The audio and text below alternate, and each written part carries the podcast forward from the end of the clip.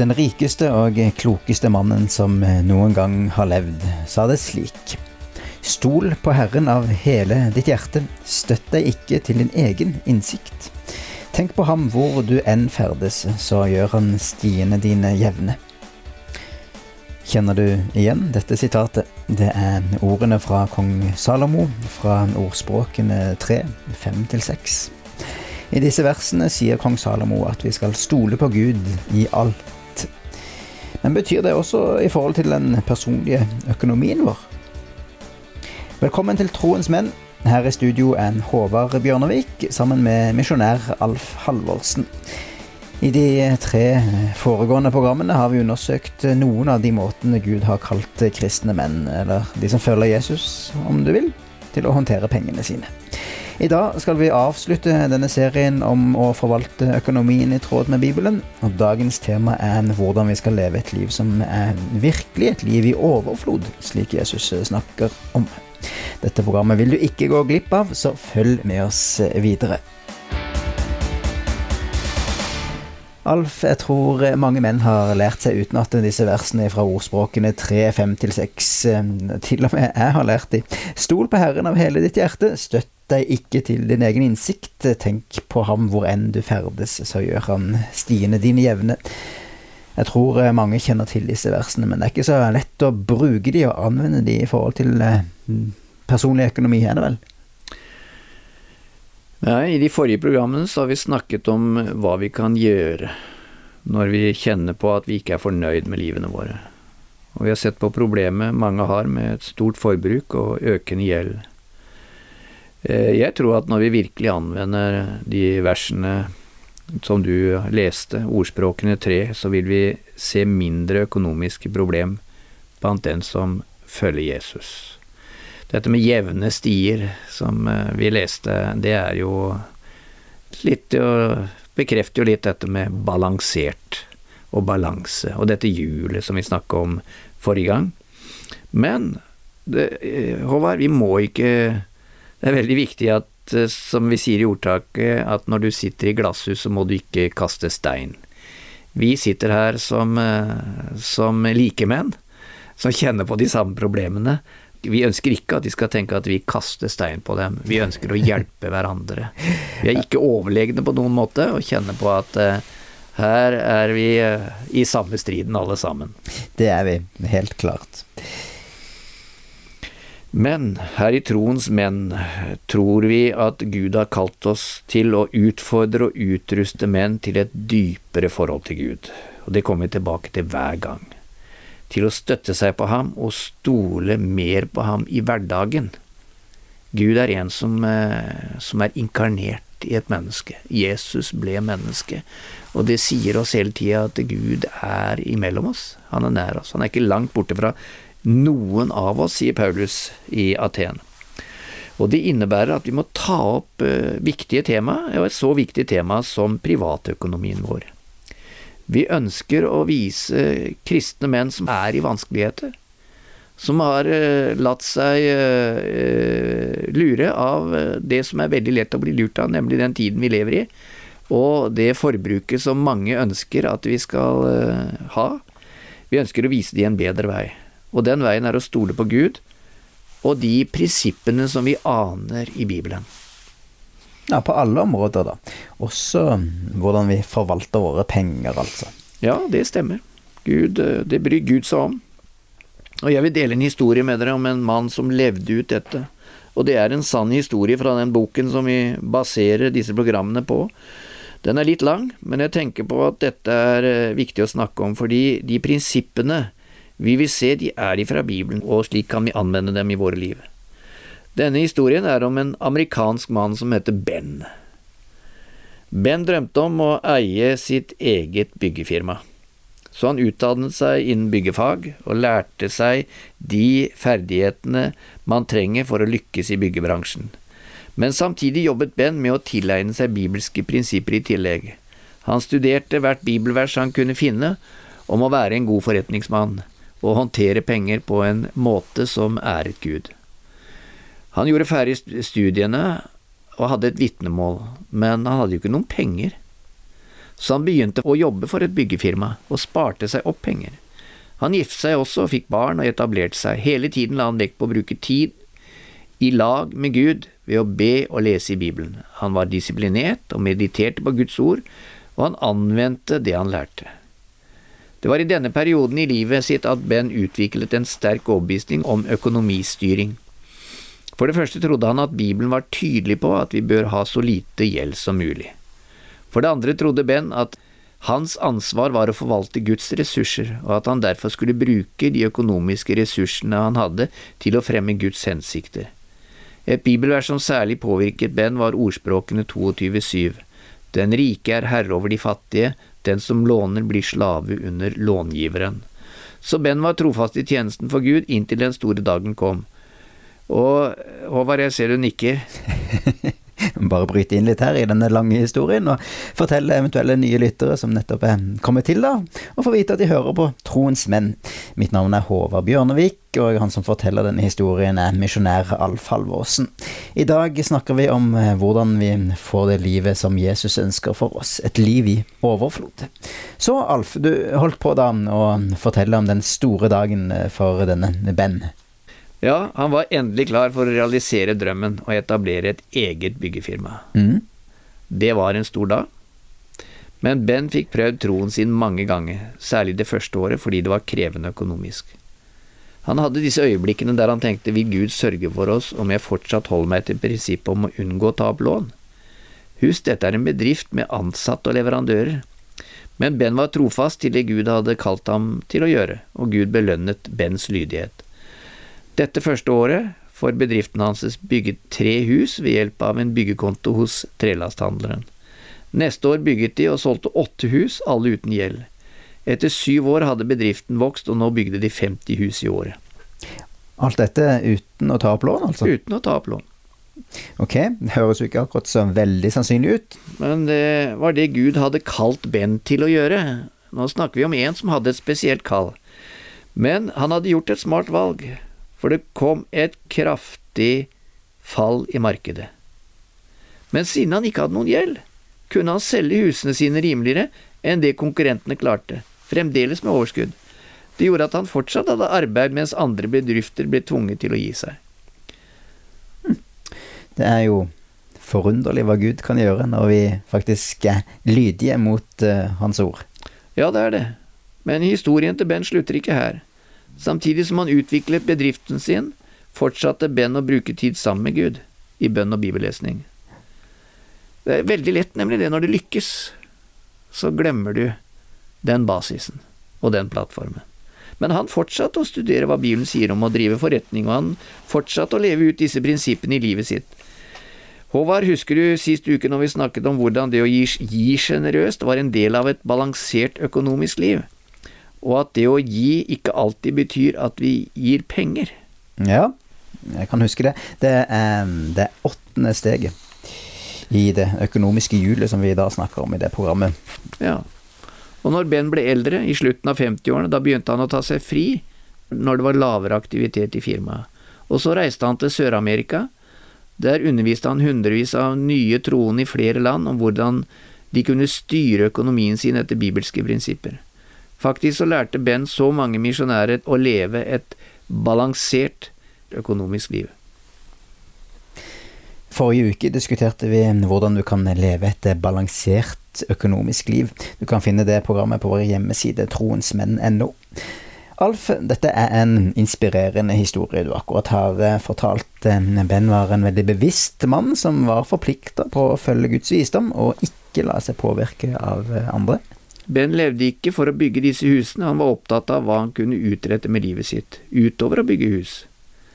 Jesus sa det slik i Matteus 6, 19–20, det skal ikke samle dere skatter på jorden, hvor møll og mark ødelegger, og hvor tyver bryter inn og stjeler, men det skal samle skatter i himmelen, der verken møll eller mark ødelegger, og tyver ikke bryter inn og stjeler. Ben ønsket å samle seg skatter i himmelen, og det gjorde han. Han kom etter hvert dit at han ga halvparten av inntekten sin for å støtte misjonærer og deres arbeid. Kan du se for deg hvor fornøyd du er, hvilken fred du har og gleden du har når du har en så solid økonomi at du kan gjøre noe slik? Og forrige uke lærte vi at eh, det handler ikke om hvor mye penger vi har, det handler om vårt ønske om å tjene Gud med de pengene vi har, eh, faktisk. Ja, jeg må jo skyte inn, eh, Håvard, at jeg har jo vært misjonær, og der er ikke rare økonomien en har.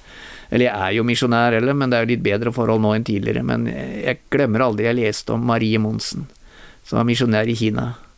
Og hun tok det så bokstavelig. Og nå snakker vi om folk som har prøvd Gud på hans løfter. Vi snakker ikke bare om sånn generell eh, råd til alle bedrifter, men Gud, folk som virkelig har fått oppleve at Gud eh, holder det han lover, og at han er eh, nærmere oss enn vi er klar over. Og hun valgte å ikke ta noe lønn som misjonær. Fordi det står 'ikke bli noen skyldig uten det å elske hverandre', står det i Rombrevet 9. Og hun fulgte det. Og hun fikk gaver både herfra og derfra som hun levde på. Og så, og så øh, blei hun et sterkt vitnesbyrd for mange kinesere den dag i dag. Hun stolte på Gud og fikk oppleve det. Og det ble et liv i overflod som mange har glede av nå. Selv om historien til Ben, og Marie Monsen for den saks skyld, er både utfordrende og oppmuntrende, så handler ikke dette om verken om Ben eller om Marie Monsen, som jeg nevnte, det handler om oss. Hver enkelt av oss menn, de fleste av oss, har ikke vårt eget byggefirma. De fleste av oss er ikke misjonærer på spesielle betingelser, men de økonomiske prinsippene Gud gir oss i Bibelen, den gjelder også for privatøkonomien vår, at vi tar Han med i alle ting, og våger å eh, både leve jevnt i, i, i samfunn med ham, i våre stille stunder, i bibelløsning, og at vi stoler på Han også når det gjelder økonomien. Så hva er noen av disse prinsippene da som vi kan hente ut av disse eh, historiene? Ja, det første som vi legger merke til, at uh, han forpliktet seg på daglig bruk av tiden sin til bibel og bønn. Og Vi har tidligere snakket om disse stundene eh, som vi bruker i lag med Gud, Kort fortalt består disse stundene av bibellesning, refleksjon over hva du lest, en bønnestund der du snakker med Gud om det du har lest, og disse daglige stundene er helt avgjørende for å utvikle en dypere relasjon til Gud, slik Ben hadde, og som altså fikk konsekvenser for hans drift av firmaet. Ja, akkurat disse daglige stundene, det var jo da noe som gikk igjen i denne historien til eh, Ben. Det gjorde det, og et annet prinsipp vi så i denne historien, var at han hele tiden studerte og mediterte over Guds ord. Å gå i kirken hver uke er veldig viktig, men vi klarer normalt sett ikke å huske mer enn 15% av det vi hører der. 15% altså? Det stemmer. Det går inn det ene øret, og det andre øret går ut og inn, som han sa. Eh, eh, så det er veldig viktig derfor, i tillegg og det understreker, det er jo egentlig plattformen i hele dette vi driver med, det understreker at vi bruker tid i tillegg til det å være kirkemedlemmer, aktive kirkemedlemmer, bruker tid på å lære oss bibelvers utenat og meditere over bibelvers slik at vi tar det til oss. Altså rett og slett leve med Gud daglig og la Guds ord fylle oss, bo rikelig hos oss, som det står i Kolossebrevet. Så det er mange, eh, mange ting som kan skje Altså, for oss som ikke har byggefirmaer og stor økonomi, hva når vaskemaskinen havarerer? Eh, hva gjør du hvis økonomien ikke tillater et raskt kjøp? Hva gjør du da? Jeg, da går jeg til eh, butikken og henter en ny maskin, hadde jeg nesten sagt, og bare drar eh, kortet. Altså kredittkortet. Ja vel, mange gjør nok det. Men Eh, kanskje mister vi noe velsignelse fordi vi ikke prøver dette som noen har god erfaring med, både Ben og Marie Monsen og mennesker som har møtt, rett og slett å bruke tid med Gud, ved å lese Bibelen og be, og eh, slik at vi er rustet til å takle slike uventede ting. Og, og, det som Peter sier i sitt uh, første brev i kapittel 5 vers 7, om kaste all deres bekymring på ham, for han har omsorg for dere. Kanskje er også en vaskemaskin eh, inkludert i de bekymringene. Så hva med å prøve det, Håvard? Dette også å inkludere ødelagte vaskemaskiner i de bekymringer som vi eh, kaster på Gud. Ja, det kunne vi jo kanskje prøve. Det ville vært interessant å se. Ja, eh, kanskje litt oftere enn vi innrømmer, så, så ja, kunne vi hatt gode erfaringer med det å kaste våre bekymringer og sånne helt enkle bekymringer på Gud. Ok, Alf. Vi må være helt konkrete her. Det er viktig å være konkrete, for jeg tror våre lyttere opplever eh, slike lignende situasjoner stadig vekk. Så det første vi gjør, det er å be. Og hva så? Ja, så til bønnen så henter hør én ting, som står ofte i Bibelen, og det å vente på Herren. Vi har til og med en sang, ikke sant, Bi på Herren, vær ved godt mot. Bi er ikke et uttrykk vi bruker ofte, men det er en del av troen, og det er en del av bønnen. Det er å vente på bønnesvaret. Gi litt tid til Gud. Vi er nemlig så opptatt i vår tid at ting skal skje nå. Vi vil ha en umiddelbar tilfredsstillelse uten ubehag. En ødelagt vaskemaskin er et bra eksempel. Denne må erstattes umiddelbart, tenker vi. La oss si at vi ber en uke. Mm. Ja, han, forfatteren eh, til boka snakker til og med om å faste. Det er ikke så ofte eh, man gjør. Det går an, faktisk, når du ber, å uh, unnlate å spise, for også i løpet av dagen, hver gang du kjenner magen skriker etter mat, å omsette det til en påminnelse om å be for en konkret sak. Ja, hvorfor ikke? En vaskemaskin. Eh, vi har ikke snakket om faste her på Troens menn. Men eh, det er noe vi kan ta opp i menigheten, pastor eh, eller prest. Så eh, la oss også bruke det når vi har et konkret bønneemne. Så sant selvfølgelig vi ikke av medisinske årsaker trenger en vaskemaskin her og nå, så ville jeg fortsatt å be. Ja. Framfor kredittkort. Hva med den eh, haugen av eh, klær som bare vokser og vokser? Haugen av skittentøy? Ja, ok. Nå er vi menn, da, så vi kan jo veldig lett overlate det til kona. Men eh, vet du åssen du bruker vaskemaskin, Håvard? Ja Ja. Ja, det er ikke umulig å lære seg det heller. Men vi kan låne vaskemaskin av noen. Ja. Det kan jo være litt slitsomt. Men Ok, vi er menn, vi har et åndelig ansvar i hjemmet, eh, og vi skal jobbe for en balansert økonomisk liv. Og, og da får vi en del vanskelige avgjørelser, men det går an å finne midlertidige løsninger mens vi venter på svar på bønnen. Og Håvard, vi kan gjøre en ekstrainnsats sjøl, med klesvasken. Det er jo noe som heter å vaske for hånd. Jeg har ja. levd et uh, misjonærliv hvor alt tøyet blir vasket for hånd. Og du kan være med og ta del i det. Eh, og være en litt myk mann for en kort tid. Det er eh, et eksempel. Eh, og ja, som Jesus sier i, eh, i Markus 10,14, så han sier for heller ikke menneskesønnen er kommet for å la seg tjene, men for selv å tjene. Og når Paulus skriver om menn og kvinner og forholdet dem imellom i Efeserbrevet 5, så sier han dere menn, elsk konene deres slik Kristus elsket kirken og ga seg selv for den. Eh, dere, det kan være at en sånn eh, akutt økonomisk krise også kan lære oss å i større grad vise at vi er tjenere. Og da beveger vi oss mot et eh, ekte liv, et liv som eh, samler skatter i himmelen, er det slik? Ja, og det er det siste prinsippet vi kan se i historien til Ben, og det er verd å ofre noe for dette. Det er verd å bruke tiden disiplinert sammen med Gud, lese i Bibelen, lære bibelvers utenat. Og i Galaterbrevet 6,9 står det la oss ikke bli trette mens vi gjør det gode. Når tiden er inne skal vi høste, bare vi ikke gir opp. Altså å gjøre det gode uten å bli trette, være utholdende, vente på Herren, og eh, ta det belastningen som følger med.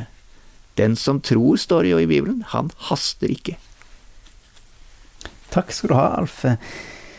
Det minner om eh, det som Paulus skriver i 1. Timotius 6. Forman dem som er rike i denne verden, at de ikke må være overmodige og ikke sette sitt håp til den usikre rikdommen, men til Gud, Han som gir oss rikelig av alt for at vi skal nyte det.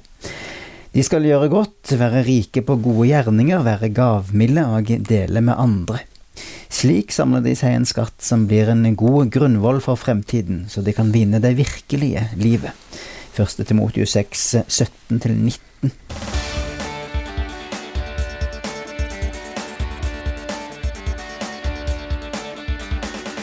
Takk for at du hører på Troens menn, hvor menn utrustes og styrkes til å møte sitt gudgitte potensial. I dag har vi snakka om å leve det livet som det virkelige livet. Dagens program er basert på det fjerde kapittelet i den tredje boka i serien Every Man a Warrior, skrevet av Lonely Burger. For mer informasjon om den boka og om dette programmet, besøk norea.no eller troensmenn.no. Troens menn er den norske utgaven av Transworld Radios Champions Arise. Mitt navn er Håvard Bjørnevik, og med meg i studio er misjonær Alf Halvorsen. Takk for at du hører på Troens menn. Må Gud velsigne deg og gjøre deg til den mannen han vet du kan bli.